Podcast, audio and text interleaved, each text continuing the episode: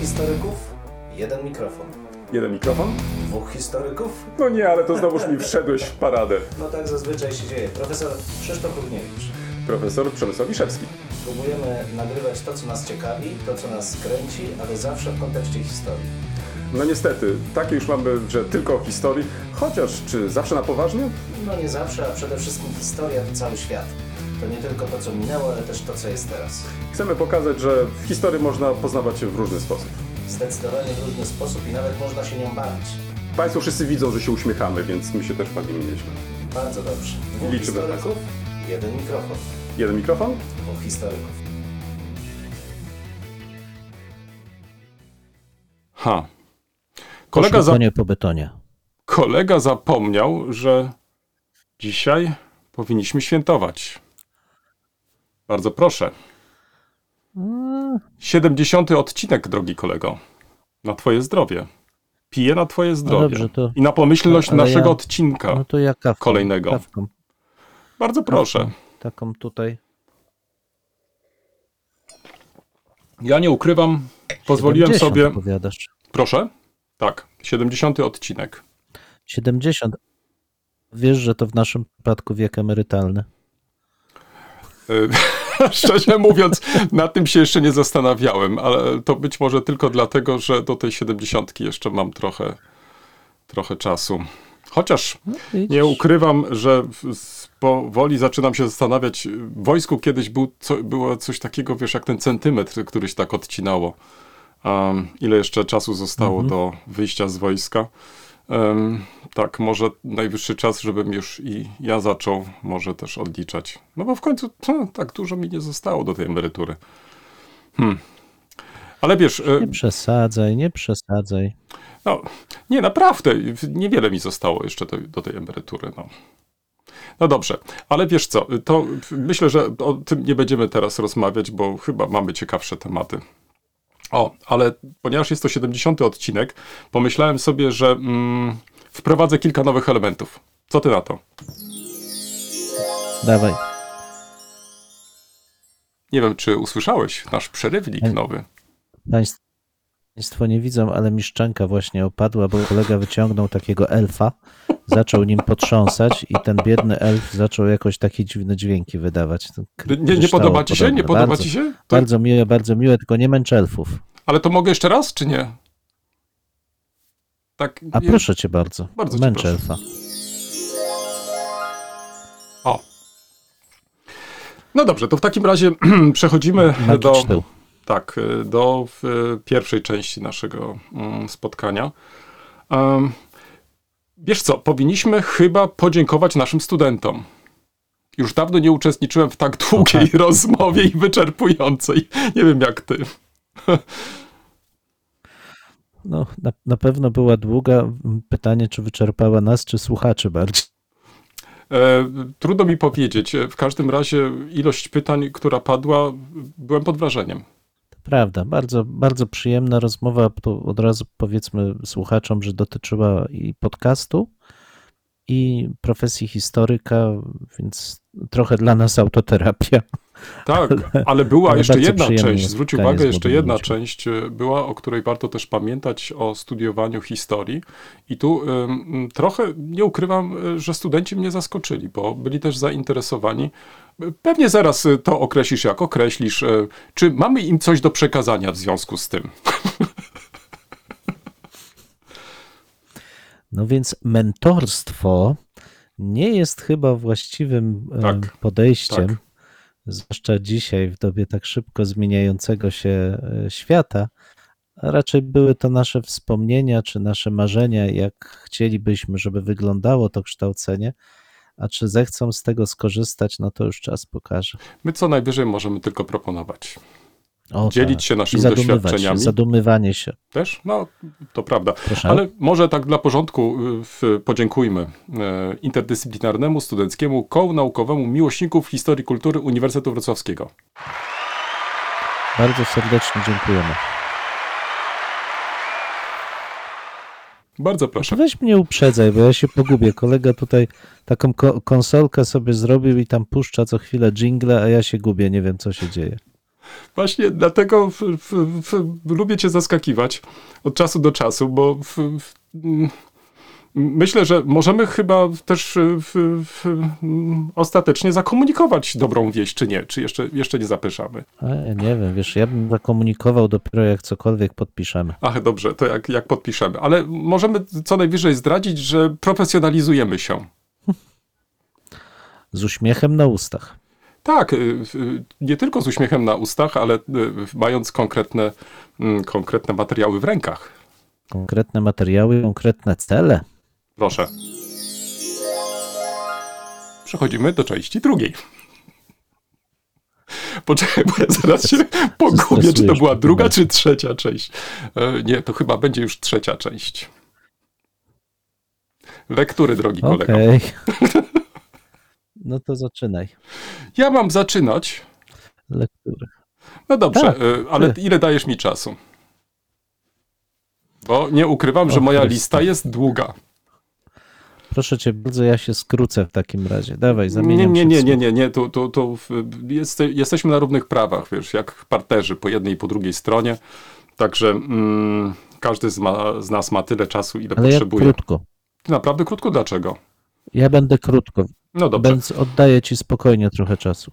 W tym tygodniu, proszę Państwa, miałem bardzo ciekawe zajęcia e, z grupą studentów. Em, Dzięki temu, że mm, wyciągamy w końcu jakieś wnioski z e, okresu pandemii i przećwiczyliśmy mm, w prawo i w lewo korzystanie z nowych mediów, tak więc połączyłem się w trakcie zajęć z Brukselą i odbyliśmy bardzo ciekawą rozmowę z kustosz e, Domu Historii Europejskiej, z panią dr Janną Urbanek, która przedstawiła nam e, stałą wystawę, ale także i zwróciła uwagę na wystawy czasowe. I o tej jednej z wystaw czasowych chciałbym e, w, trochę więcej powiedzieć, a tym samym wprowadzić do moich lektur, bo jak za chwilę zauważysz, ale także mam nadzieję i Państwo, jest jakaś taka nić przewodnia e, tych wszystkich moich lektur. Otóż ta mm, wystawa, która jest prezentowana od października do stycznia, można ją też znaleźć w internecie. Odpowiedni link oczywiście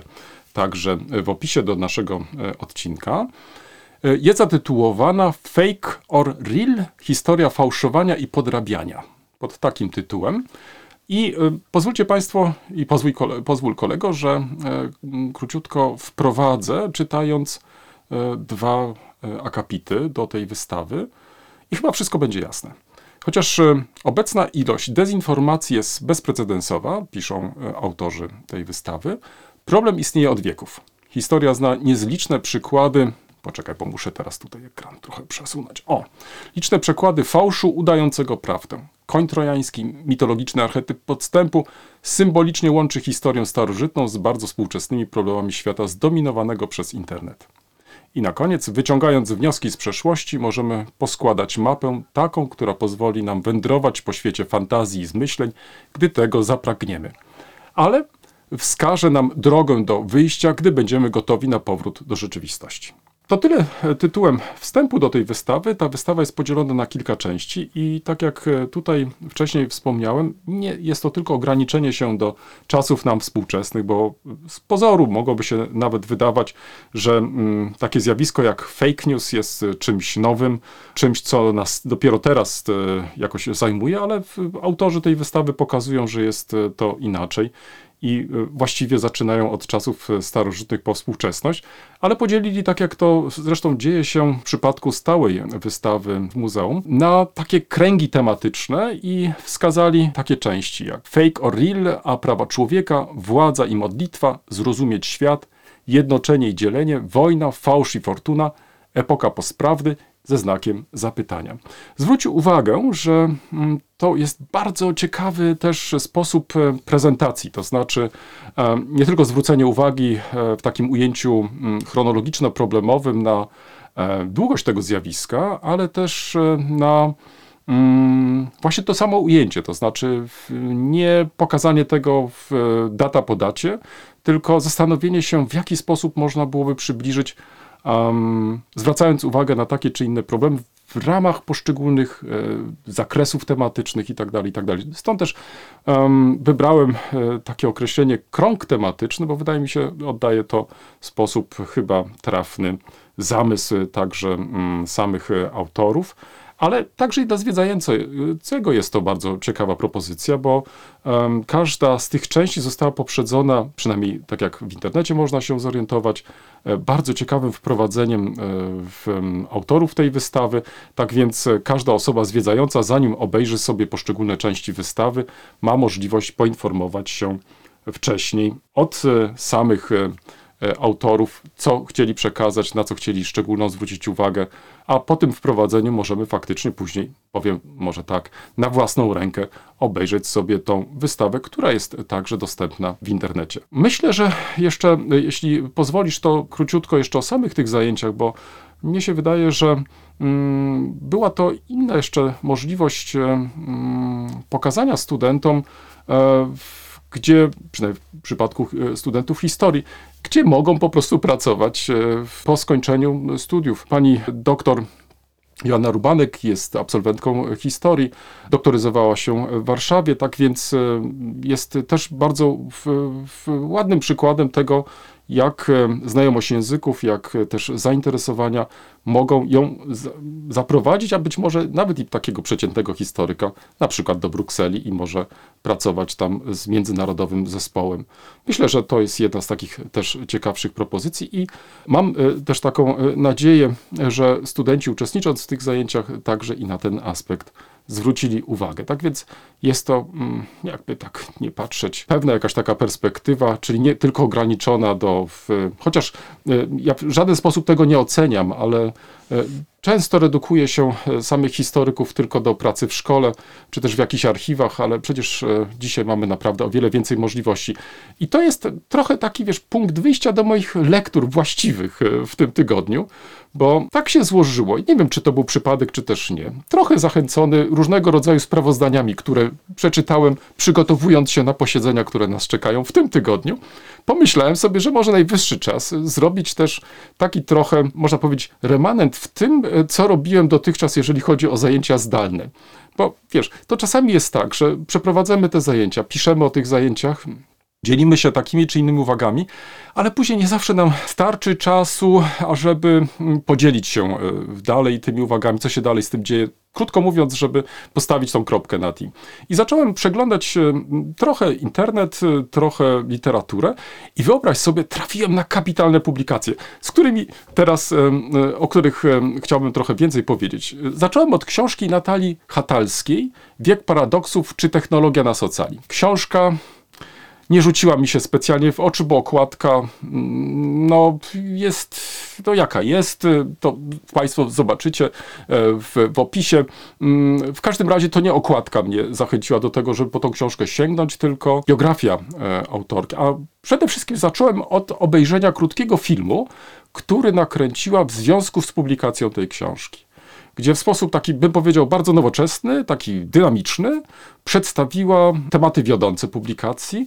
Ale co mnie zaciekawiło i myślę, że każdego z Państwa to może też zainteresować, zdradziła autorka swój warsztat, to znaczy to, w jaki sposób pisała. I jest to kolejny przykład osoby, która wykorzystała czas pandemii, to znaczy ten przymusowy e, czas zamknięcia na napisanie, na napisanie bardzo ciekawego e, opracowania poświęconego mm, różnym problemom dotyczącym obecności wirtualnej rzeczywistości i to, w jaki sposób my dzisiaj e, zmagamy się e, z tym i co to oznacza dla nas, jeżeli chodzi o przyszłość. Książki, od razu mówię, nie skończyłem, ponieważ autorka po prostu. Wiesz co, ja ogromnie lubię takie lektury, które powodują, że ty rozpoczniesz wstęp, e, zaczniesz czytać pierwszy rozdział, a czytając e, przypisy, od razu sięgasz e, do kolejnych w- publikacji, a tym samym otwierają ci się kolejne jakieś nowe horyzonty. Słuchaj, po prostu ja w ogóle nie powinienem sięgać po tą książkę. Bo y, co stronę to jakaś, jakiś odsyłacz, wiesz, jakiś hiperlink, najpierw do jakiegoś tekstu, do raportu, później do w, y, filmu na YouTubie i tak to tak skonstruowana jest ta książka. Ja po prostu, y, pani Natalio, y, w, w, przyjemnością przeczytam pani książkę od deski do deski, ale obiecuję, nie zrobię tego w ciągu jednego dnia. Naprawdę, to jest niemożliwe. Jest tam taka ilość informacji, że to po prostu przekracza mm, możliwości no, bym powiedział tak, lektury takiej, powiedziałbym, do poduszki. Ale nie zmienia to postaci rzeczy, jest to naprawdę ciekawa e, e, publikacja, ważna i jeszcze do niej wrócę. Ale wracając do tych hiperlinków i do tych raportów. Mianowicie, jakiś czas temu, być może sobie przypominasz, recenzowałem taką książkę, jedną z pierwszych, poświęconą e, sytuacji nauczycieli i uczniów w czasach COVID-u, to w jaki sposób e, szkoła jest przygotowana, a właściwie nie jest przygotowana, z jakimi problemami borykają się nauczyciele, z jakimi uczniowie i tak dalej, i tak. Jest, słuchaj, ciąg dalszy, wyobraź sobie. Mianowicie ukazała się e, w ubiegłym już roku, niestety jakoś mi to umknęło, e, ukazała się książka mm, pod tytułem, poczekaj, niech ja to tylko znajdę, o, właśnie, to jest tak. Edukacja zdalna, co się stało z uczniami, ich rodzicami i nauczycielami. Polecam tą książkę, bo faktycznie jest to bardzo dobry wstęp do tego, o czym tak naprawdę to chciałem e, głównie opowiedzieć. Mianowicie, pani Natalia Natalska, e, która równocześnie jest szefową e, instytutu, mm, który ma taką nazwę In In Future Institut e, albo Instytut. E, trudno mi powiedzieć, e, jak tutaj teraz to wypowiadać, no w każdym razie instytut, który zajmuje się mm, problemami przyszłości, wraz z kolegium Da Vinci przygotowali raport, opracowanie Przyszłość edukacji, scenariusze 2046. I drogi kolego, o tym chciałbym z Tobą porozmawiać. Koniecznie. Jest to raport, słuchaj, y, naprawdę, nie można przejść obojętnie. Trzeba to przeczytać od deski do deski. Jest tam kilka scenariuszy, ale co jest ważne, nie dotyczy to tylko uczniów, nie dotyczy to tylko nauczycieli, ale dotyczy to także nas, ponieważ mm, w tym raporcie uwzględniono pięć grup y, niezależnych, mianowicie uczniów, nauczycieli, studentów, y, wykładowców oraz, co ciekawe, także i menadżerów. I zastanawiano się, jaka jest kondycja szkoły dzisiaj, e, uczelni dzisiaj i jak mm, będzie wyglądać szkoła, uczelnia e, za 25 lat. Muszę ci powiedzieć, że czytałem to z wypiekami na twarzy. Nie zdradzę ci jeszcze treści, bo ty tej treści nie znasz, ale już teraz sygnalizuję, że będziesz czerpać z tej publikacji wiele pomysłów. A znając ciebie i twoje podejście do innowacji, kto wie, hmm, za chwilę być może rozpoczną się prace nad, y, mm, nad y, koncepcją, nad y, pomysłem uczelni w roku, a umówmy się, 2046 w zupełności wystarczy. Ty wspomniałeś na początku, że 70 odcinek to jest przejście na emeryturę. No, już dawno będę na emeryturze. No więc ja być może e, tego specjalnie nie doczekam, ale być może będę mógł zrecenzować, słuchaj, to znaczy być może będę mógł wrócić do tego opracowania, które mm, być może mm, zlecisz i wtedy zrecenzuję, y, czy te pomysły z roku na przykład 21, 22 sprawdziły się w roku 46. Zakładając naturalnie, że nie tylko przejdę spokojnie na emeryturę, ale także i dożyję do mm, tego roku 46. I na koniec, e, ponieważ, e, tak jak wspomniałeś, e, dzielimy się też podcastami, a ponieważ nasz dzisiejszy 70. odcinek jest takim odcinkiem trochę mm, testowym, próbnym, pomyślałem sobie, że zamiast mm, rozpocząć od tytułu podcastu, to podzielę się intro tego podcastu. Cześć, to podcast B2B i innowacje od kuchni. Rozmawiamy o tym, jak konkretnie wdrażać innowacje i rozwijać biznesy B2B. Poznajemy też ciekawe historie i zabawne anegdoty związane z omawianymi projektami. Jeżeli szukasz konkretów i jesteś zmęczony frazesami takimi jak dbaj o klienta czy eksperymentuj, to na pewno znajdziesz tutaj coś dla siebie.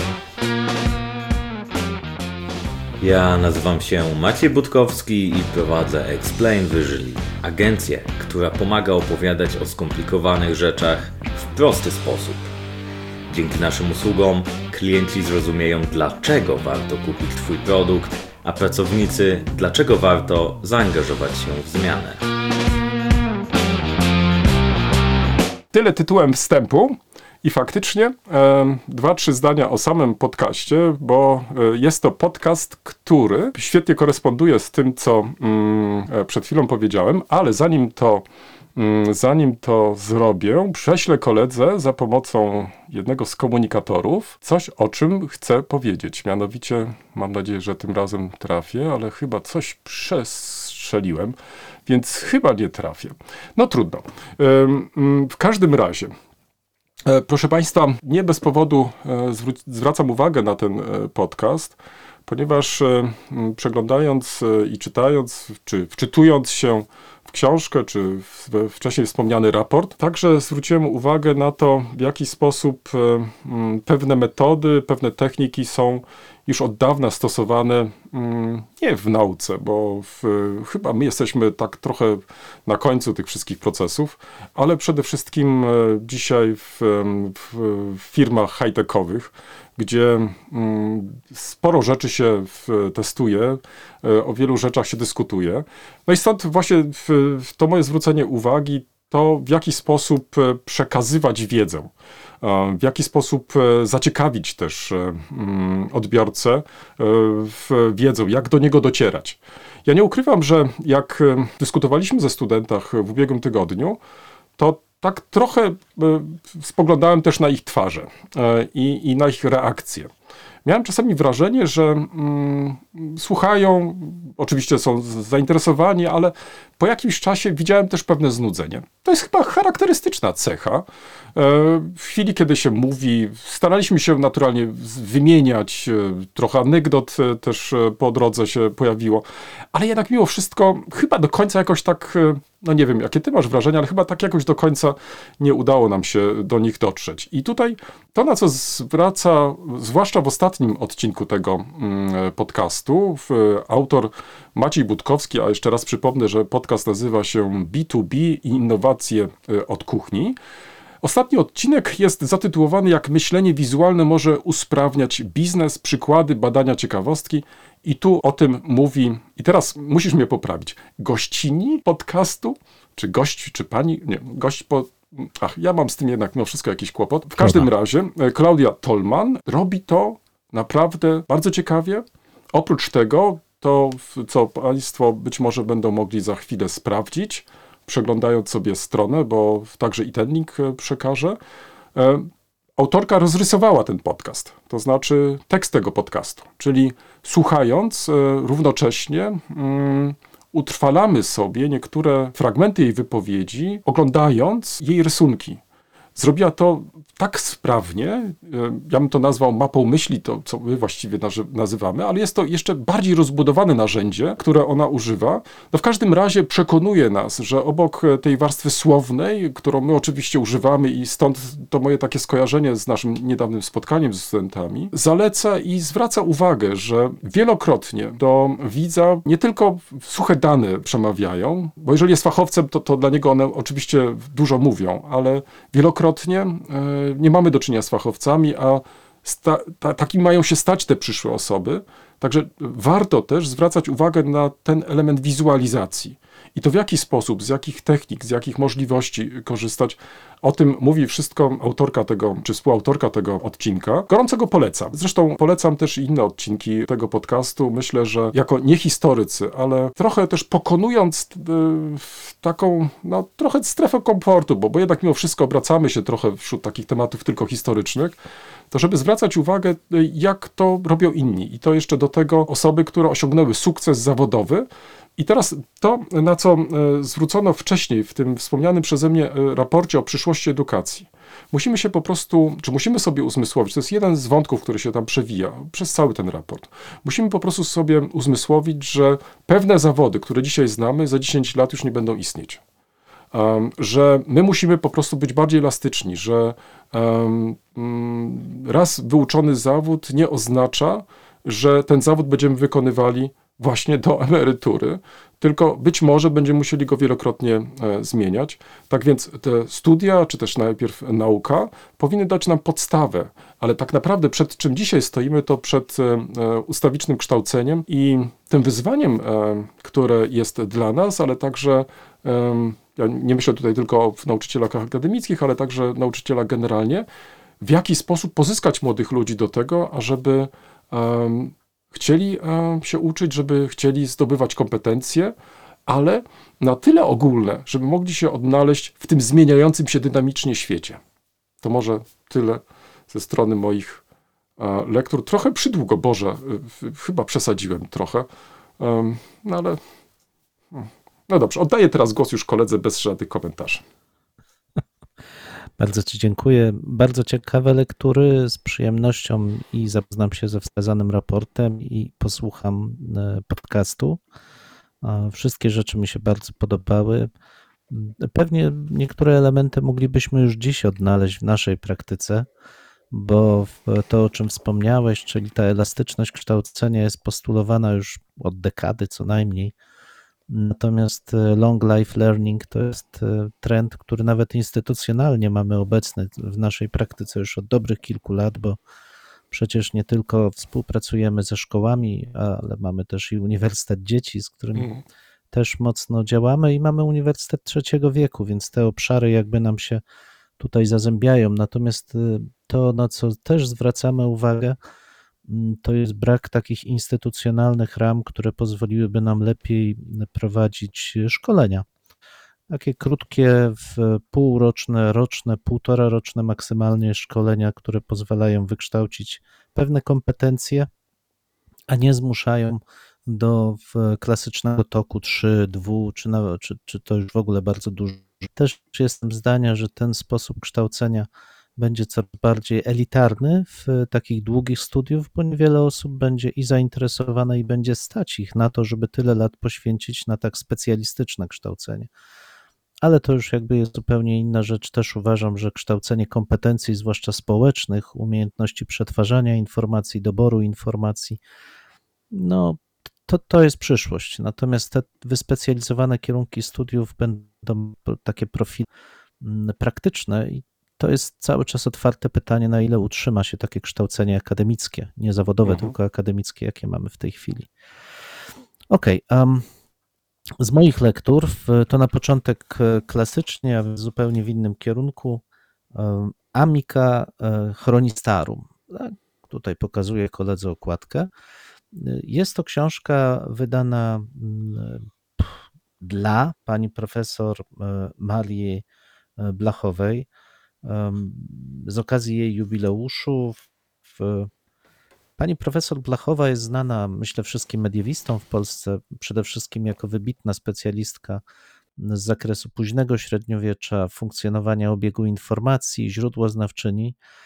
I przeglądając e, zestawione tutaj publikacje, trochę nie mogłem się opędzić od, takiego, od takiej refleksji, że w, m, publikowane w zdecydowanej większości po czesku, chociaż ona dużo publikowała też po niemiecku, że właśnie z jednej strony jakoś to jest naturalne, że e, publikujemy jako historycy w językach narodowych i dobre, bo w, w ten sposób wprowadzamy do tego obiegu kulturowego i racjonalność, i dbamy o język, i utrzymujemy cały czas stabilność terminologiczną, bo to też jest ważne. Jeśli pewne terminy znikają w ogóle z języka ojczystego, no to nie ma ich w obiegu kultury, w tym szerokim obiegu kultury, i cała ta refleksja potrafi zniknąć w obiegu powszechnego. To, to ogromna szkoda, i tu też em, jakby mój wielki apel, żebyśmy unikali takiego prostego zamieniania języka polskiego na język angielski przede wszystkim, bo jednak troska o język powinna być też jednym z naszych obowiązków.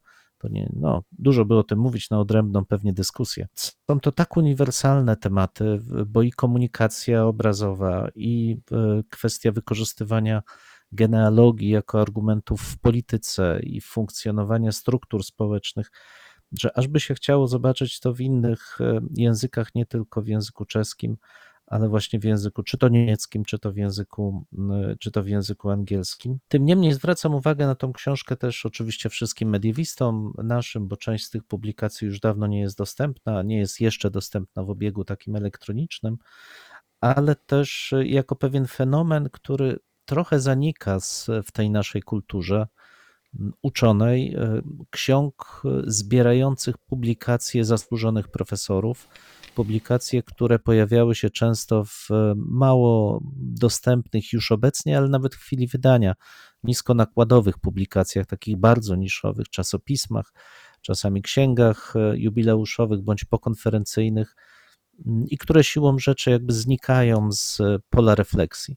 Natomiast zestawienie takich e, publikacji zawsze powoduje, w jednym tomie powoduje, że widzimy ich kontekst, bo też poprzez to widać świetnie drogę rozwojową, rozwoju takiego ideowego, warsztatowego, rozwoju zainteresowań danego badacza. Kapitalne źródło do badania całej formacji intelektualnej środowiska, w którym on jest, mm. w którym on był zakorzeniony ale też czysto użytecznie dostajemy do ręki właśnie te teksty, które normalnie mogłyby nam umknąć. I jest to jakieś signum temporis, że tego typu publikacje są coraz rzadsze. To nie znaczy, że ich w ogóle nie ma, bo od czasu do czasu się pojawiają, ale jednak są coraz rzadsze. Dominują, jeśli już, to księgi jubileuszowe, gdzie wpisują się autorzy zaproszeni do ich wypełnienia ku czci. Też bardzo klasyczny gatunek e, historiograficzny różnej jakości, od razu dodajmy, bo wtedy takich e, tomach zdarzają się i bardzo dobre teksty, i zupełnie przyczynkarskie. Natomiast mi osobiście bardziej odpowiada właśnie takie uczczenie, kiedy w, możemy otrzymać do ręki coś, co ta osoba wytworzyła po prostu i z, w czym żyła, e, czym się zaznaczyła i czym się, e, czym się cieszyła w ciągu tego swojego, tej swojej aktywności naukowej. Panią profesor znam już od lat chyba 20 niezwykle skromna osoba, a jednocześnie głęboko zakorzeniona właśnie w kulturze swojej, ojczystej, czeskiej, ale absolutnie stojąca w no, takim najwyższej jakości międzynarodowym obiegu e, naukowym, więc z wielką satysfakcją oddaję ten tom Państwu. Link prześlę, Amika Chronistarum, czyli przyjaciółka hmm, kronikarzy, kronikarek. To musiałbym nawet sam, e, sam e, sprawdzić, bo to mm. brzmi e, ciekawie. Ale jeśli wolno wejść w słowo, to, hmm? to zwróciłeś faktycznie mm -hmm. na bardzo ciekawy problem, bo częściej chyba mm, spotykamy się z, z wyborami tekstów, opracowanymi przez samych autorów. E, po kilku latach, kiedy tych tekstów się nazbiera, e, dzielimy to według jakichś tam części i faktycznie wtedy też można przekonać się, um, jakimi tematami się zajmowaliśmy w ostatnich latach, przybliżyć e, te teksty. Tak jak e, słusznie zauważyłeś, e, wielokrotnie drukujemy je w różnych miejscach i w, czy to w, w Polsce, czy za granicą i nie do każdego artykułu można łatwo dotrzeć. Natomiast tutaj wspomniałeś jeszcze o innej formie. Myślę, że kto wie, czy nie ciekawszej, bo jeśli to jest dar dla pani profesor, jeżeli redaktorzy tego tomu usiedli, zastanowili się, które z tekstów, ich zdaniem, warte są przypomnienia, warte są spopularyzowania i które z tych tekstów mogą być jeszcze inspiracją, to kto wie, to być może jeszcze jest ciekawszy zabieg, który warto podkreślić. I na pewno się to trochę różni od e, księgi takiej typowej jubileuszowej, e, co nie zmienia postaci rzeczy, że także i taka księga jubileuszowa jest bardzo ładnym darem, ja sobie przypominam, wiesz, przed laty, jak e, wydawaliśmy księgę jubileuszową profesorowi Wrzesińskiemu, mojemu mistrzowi, i podarowaliśmy mu tą księgę e, na 60-lecie urodzin. I księgę tą opracowali jego uczniowie, młodzi. Uznaliśmy wtedy, że e, profesor e, w sile wieku być może będzie e, zadowolony właśnie takim gestem, takim darem. I nie ukrywam, że w, w, nie tyle profesor był zaskoczony, co wręcz miałem wrażenie, że nawet wdzięczny, że wpadliśmy na taki pomysł i w ten sposób e, próbowaliśmy mm, docenić jego, jego pracę. Także i takie znajdziesz, czyli na 60-lecie, chociaż nie jest to takie częste. Częściej spotykamy się z księgami jubileuszowymi em, darowanymi na 65-lecie. Teraz ten czas się trochę wydłuża, także w, chyba niektórzy być może nawet dostąpią tego zaszczytu, bo to jednak mimo wszystko dalej zaszczyt jest. E, I tu chyba się ze mną zgodzisz, że mm, e, w Absolutnie. takiej czy innej osobie właśnie w związku e, z e, jubileuszem, e, z roz, ważną rocznicą po prostu mm, przygotowuje się taką księgę. Absolutnie. No to też trzeba pamiętać, że to wymaga i, te, i pamięci, i zaangażowania. To jest to zaszczyt, a ja jeszcze z kronikarskiego obowiązku dorzucę, że jest ogonek. Książce, Brawo. książka edytorsko powiedziałbym mm, niekoniecznie mi odpowiada, bo Ale ma twardą oprawę, zobacz. Edytorsko bardzo, bo szyta twarda okładka, ale układ edytorski Mhm. mniej, za, za małe odstępy między e, znakami. No to tak Ale powiedz, książka ukazała się w Polsce? Niezależnie. Czy, ale w Polsce czy w Czechach? Nie, książka ukazała się w Czechach. To Czechach. jest e, Mhm. wydawnictwo Mhm. w e, Filozofickiej Fakulty. Jeszcze sprawdzam, czy jakieś, ale nie, widzę, że jest Filozoficka Fakulta Mhm. Uniwersyteta Karlowa jako wydawca i w, pod ich brandem się ukazała. Nie, naprawdę, szczerze polecam. Link oczywiście, w, czy dane będą w opisie. Druga publikacja zupełnie inna, ale mam z nią problemy. Nie wiem, czy widziałeś to. E, Pan Europa? coś pokazujemy nie, koledze. nie. O, tego, tego nie Tak, widziałem. versus. Gdzie ty w ogóle trafiłeś na taką Tak, publikację? No, widzisz, ja tam w różne rzeczy Czyżbyś był na targach e, książki? skombinować, panie kolego.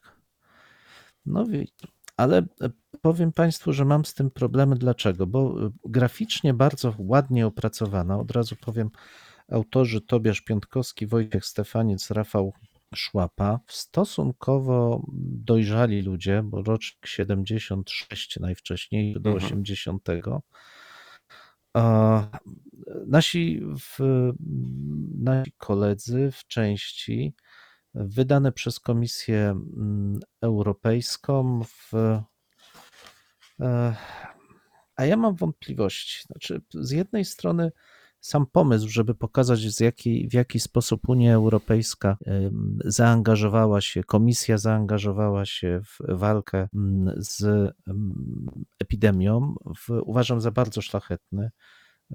Takie przedstawienie pan Europy, bohaterki, która e, zwalcza, zwalcza COVID e, w, i w Polsce, bo to dotyczy dotyczy też i Polski i, i nawet z satysfakcją można sobie poprzeglądać te obrazy. Wydaje mi się bardzo ciekawy, e, kreska bardzo interesująca. Natomiast nie wiem, do kogo jest zwrócony ten przekaz, bo treść wewnątrz jest bardzo profesjonalna, powiedziałbym język bardzo dorosły, e, intryga skomplikowana, a, a, ale, ale czy to znajdzie odbiorców, czytelników? Trochę się czułem, jakbym przeglądał komiksy z kapitanem Żbikiem.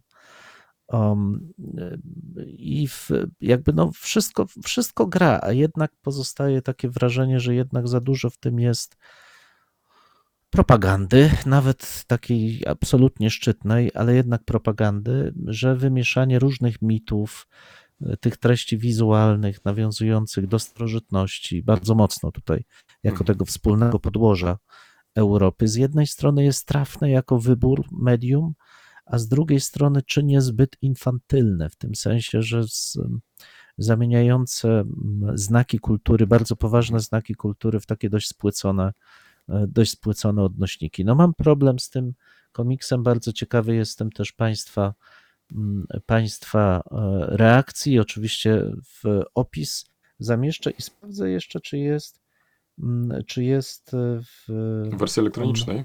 Dostępny online, można go wypełnić. Zresztą jesteśmy partnerami jako uniwersytet tego projektu, Mhm. więc też nie ma. A dlaczego taki tytuł, a nie, nie inny? Bo przecież wiesz, że Pan Europa ma określone znaczenie.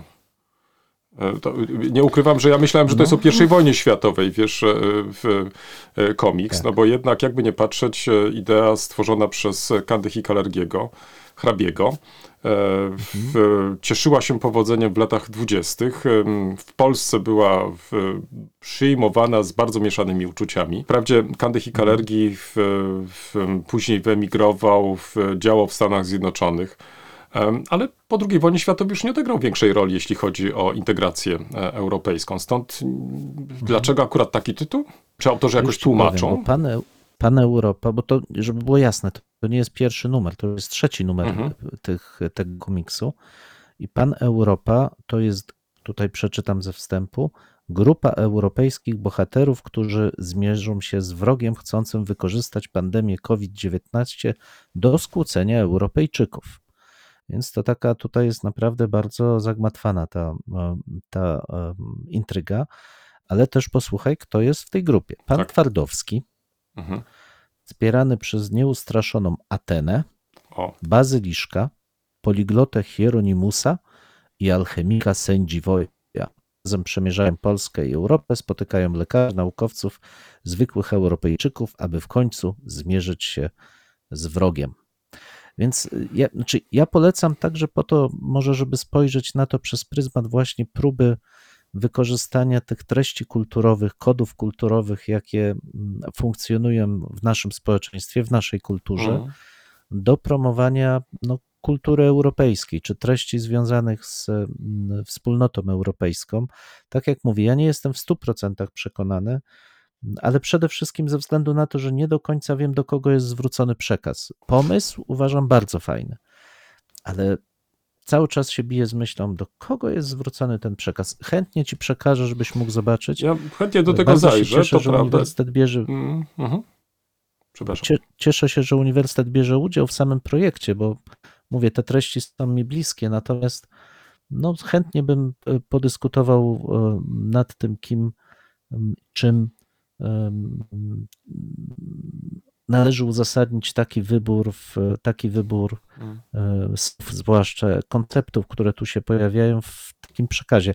A jeszcze na koniec tylko dodam, że e, na okładce, jak się dobrze przyjrzysz, to zobaczysz nasz kampus grunwaldzki tutaj, Ach, uniwersytecki. jejciu. To, to, to, Nice no na pewno jest to promocja, nie, nie ulega wątpliwości w, w, w uniwersytetu, no skoro, jak wspomniałeś, e, w jakiś sposób uniwersytet też uczestniczył e, w, em, w może nie tyle w powstaniu, co, co, co e, może sprawował jakiś patronat nad e, serią tych komiksów, ale, Tak.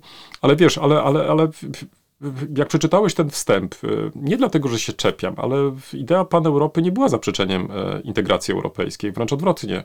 E, To był e, ruch e, oddolny, który miał na celu po I wojnie światowej przekonać Europejczyków do tego, że istnieje konieczność łączenia się państw, łączenia się narodów po to, żeby uniknąć w przyszłości czegoś takiego, czym była I wojna światowa, więc mm, w to byli też zaangażowani Polacy. Ostatnio przykładowo Marek Zybura opublikował niewielką publikację Bronisława Hubermana, Skrzypka, który to w ym, bardzo, w sposób bardzo zaangażowany uczestniczył w pracach tego ruchu.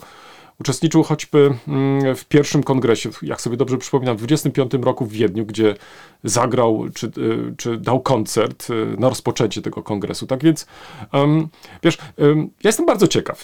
Nie znając na razie to, nie chcę się wypowiadać, y, ale chętnie do tego zajrzę, bo jest to tematyka także mi bliska.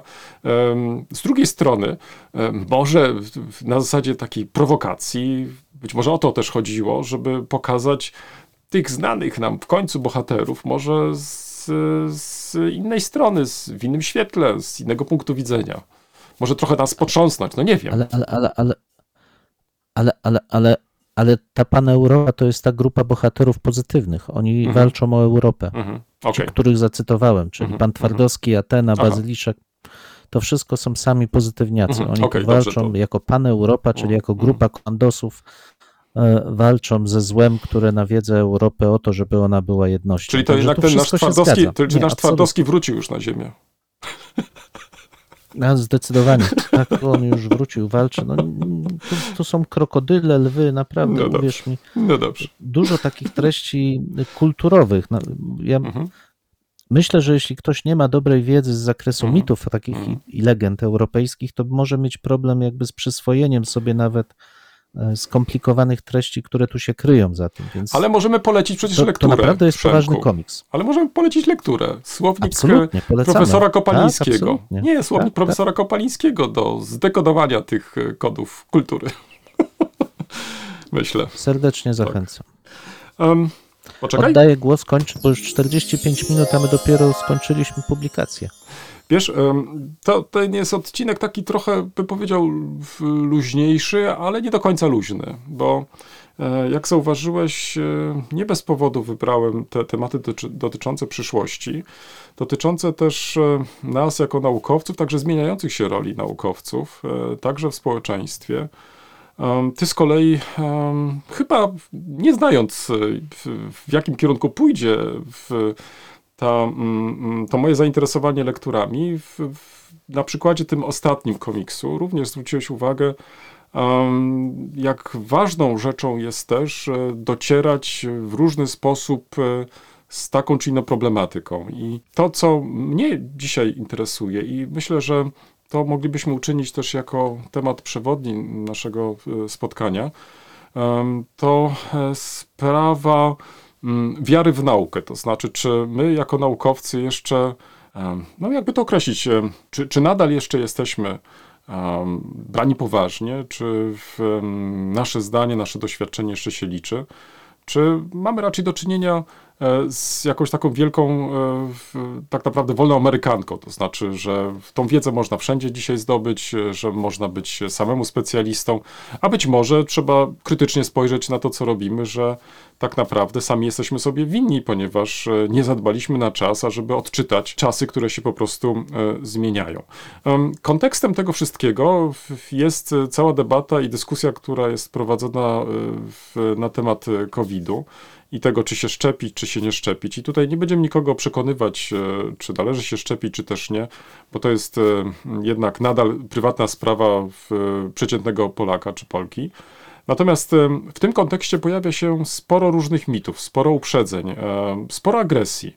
Ja się tak zastanawiam, czy także we wcześniejszych epokach mieliśmy do czynienia z podobnymi sytuacjami, czy tak jak mm, ta przywołana choćby przeze mnie wcześniej wystawa w Brukseli poświęcona fake newsom, czy mm, może dlatego, że dzisiaj właśnie mamy takie nagromadzenie tych różnych elementów, tych różnych spraw, jakoś tak e, koncentrujemy się tylko na tym, co jest bieżące, natomiast e, nie patrzymy na to szerzej, nie patrzymy na to jakoś tam e, ogólniej. Czyli to jest pytanie tak naprawdę nasz autorytet. Czy, czy, czy jako naukowcy, jako badacze mamy nadal jakiś autorytet, mamy coś jeszcze do powiedzenia, czy straciliśmy ostatecznie tą możliwość e, wpływania, zwracania uwagi, tłumaczenia?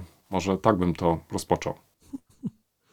Śmiejesz się. Wiesz, ja myślę, że problem jest wielos, wielostronny, bo w, dotyczy on nawet nie tego, czy naukowcy wnoszą coś do kultury, do funkcjonowania społeczeństwa, bo tu w ogóle nie ma z czym dyskutować. Znaczy, jeżeli mm, ktoś e, korzysta z dobrodziejstwa współczesnej cywilizacji, to tak naprawdę korzysta z tego, co wypracowali naukowcy.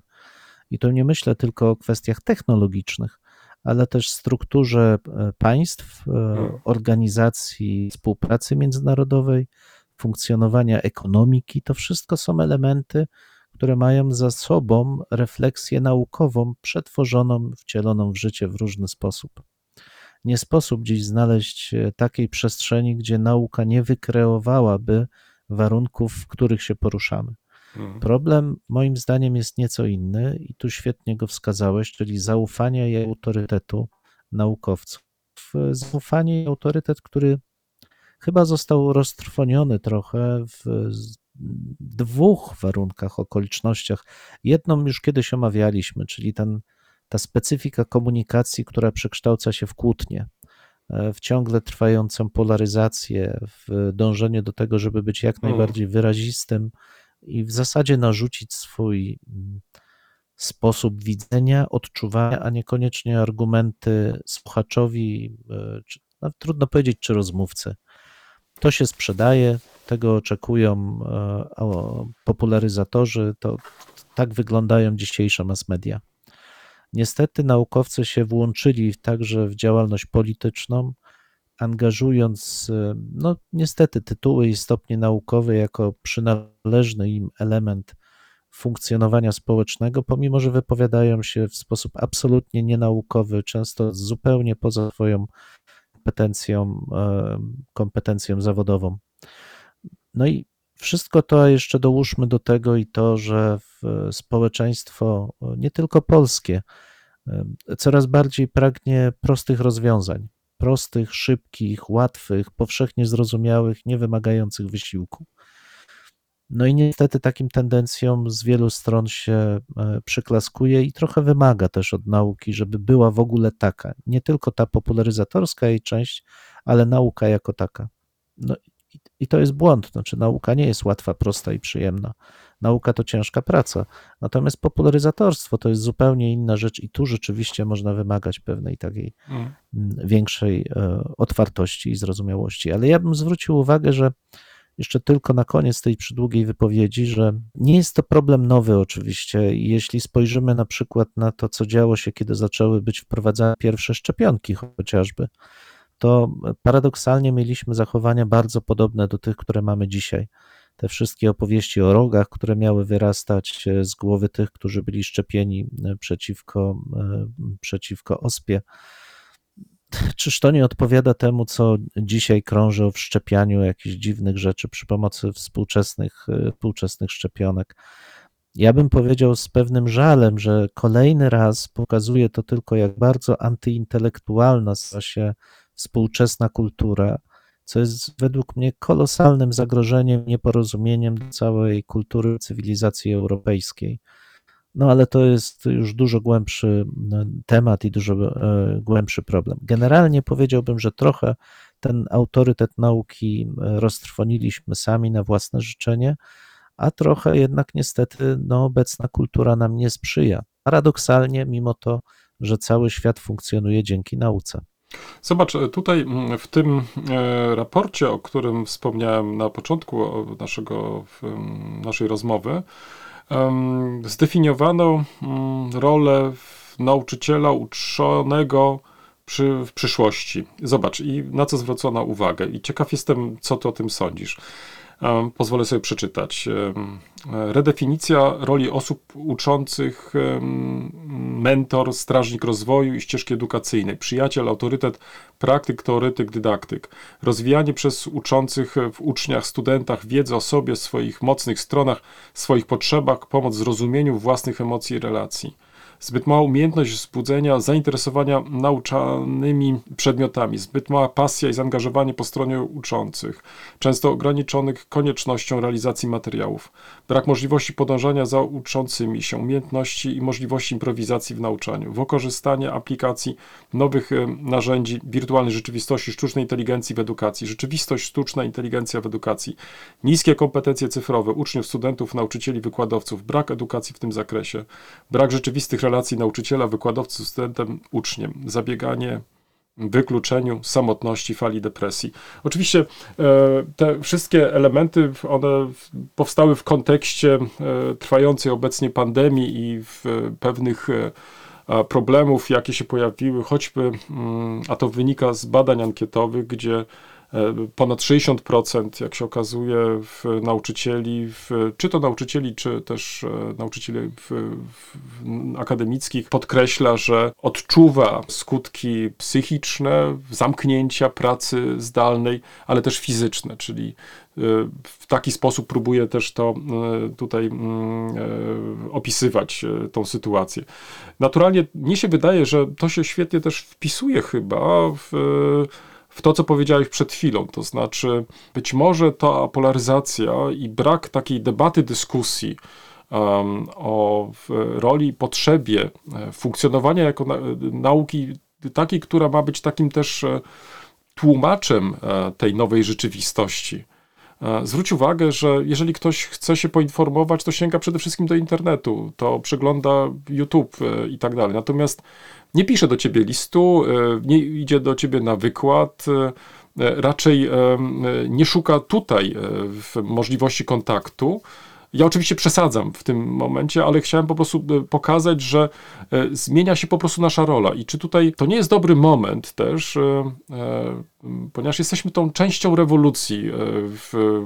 Kolejne numery są wymieniane, chyba czwarte, jeśli sobie dobrze przypominam. Ta rewolucja ma ogromne przyspieszenie i tutaj na nowo trzeba zdefiniować, tak przynajmniej mi się wydaje, właśnie te wszystkie relacje społeczne. I tutaj kto jak to, to jest ogromne zadanie właśnie dla nas, bo przecież tak jak powiedziałeś na samym początku, przecież e, to my opisywaliśmy właśnie te przemiany, te zmiany i mamy narzędzia wypracowane przez e, dziesięciolecia, stulecia bym nawet powiedział, ażeby te e, problemy badać, żeby je w jakiś sposób em, starać się rozwiązywać.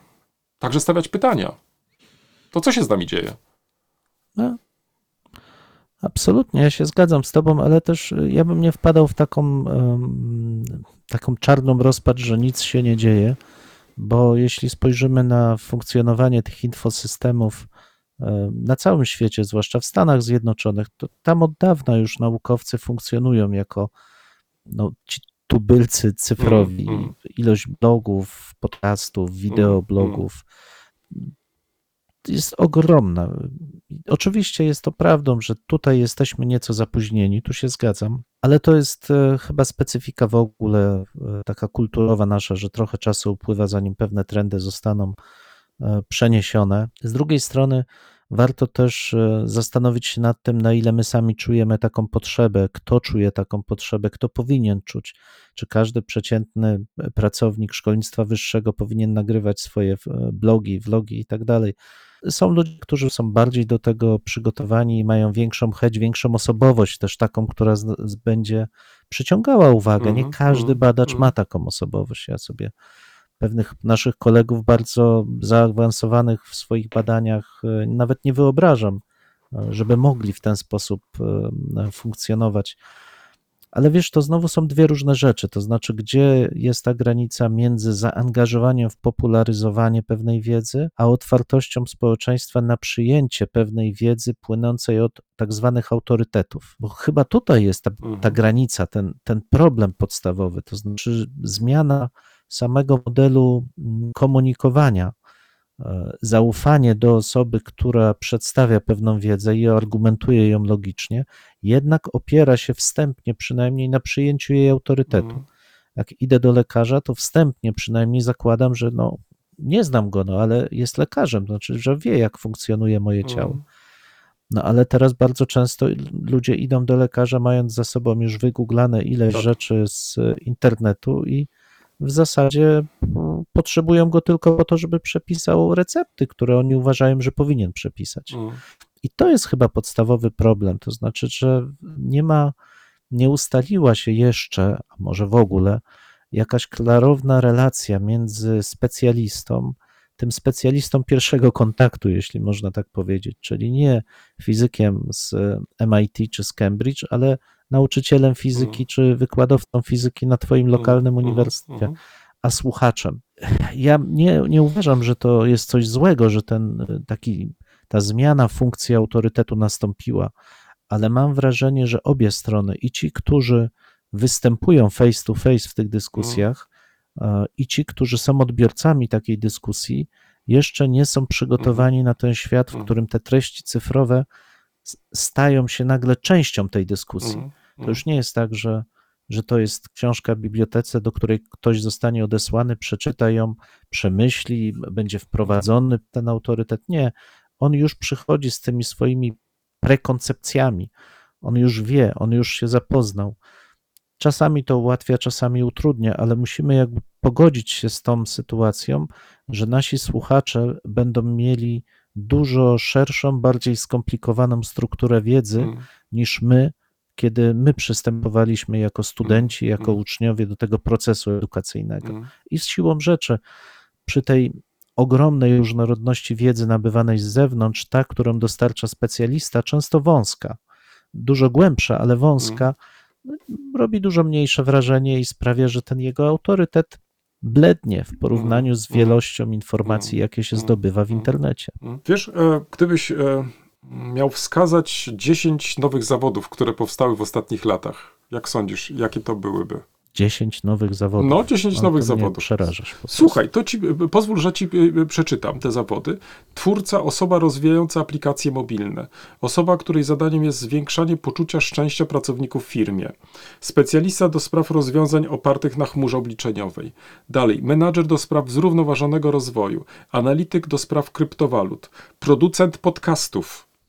Popatrz. Osoba pracująca w dziale digital marketingu, optymalizująca wykorzystanie mediów społecznościowych, marketing automation chyba, marketing wirusowy czy targetowe reklamy. Osoba sterująca na przykład flotą dronów. Osoba, która umieszcza w internecie nakręcone przez siebie filmiki. I na koniec, osoba, która zarabia na publikowaniu materiałów na platformie TikTok. Popatrz, to są nowe zawody. No i teraz Ale jest wiesz, pytanie, to z patrz, ale nie, i teraz jest pytanie, czy my tak. jesteśmy na to przygotowani, wiesz, to znaczy, żeby na przykład kształcić w tym zakresie. Lub też możesz powiedzieć, e, e, klasyczny uniwersytet to właściwie jest bezradny. Czy, czy, czy nie jesteśmy bezradni?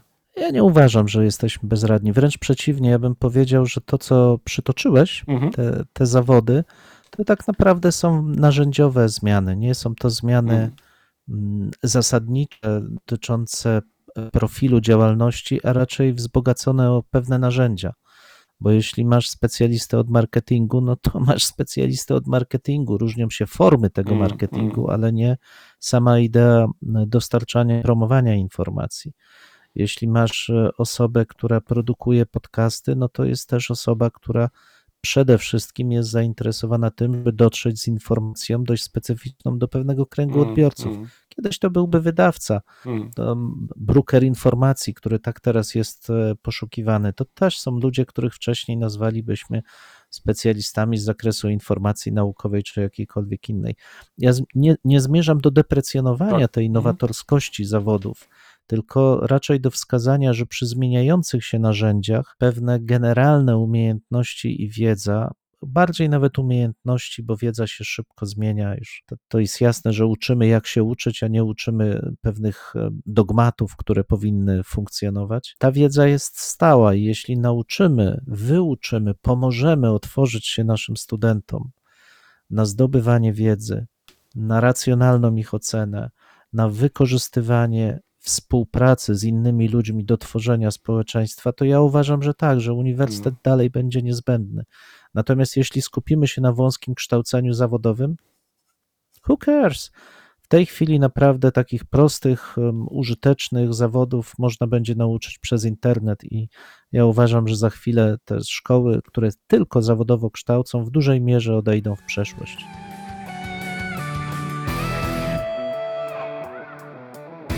Tym miejscu stawiamy kropkę, lub też jak to woli, kropkę nad i. No, mamy nadzieję, że to nie jest koniec, że to jest początek Waszej dyskusji. Mam nadzieję, że Was zaciekawiliśmy. Prosimy o komentowanie naszych zmagań z historią.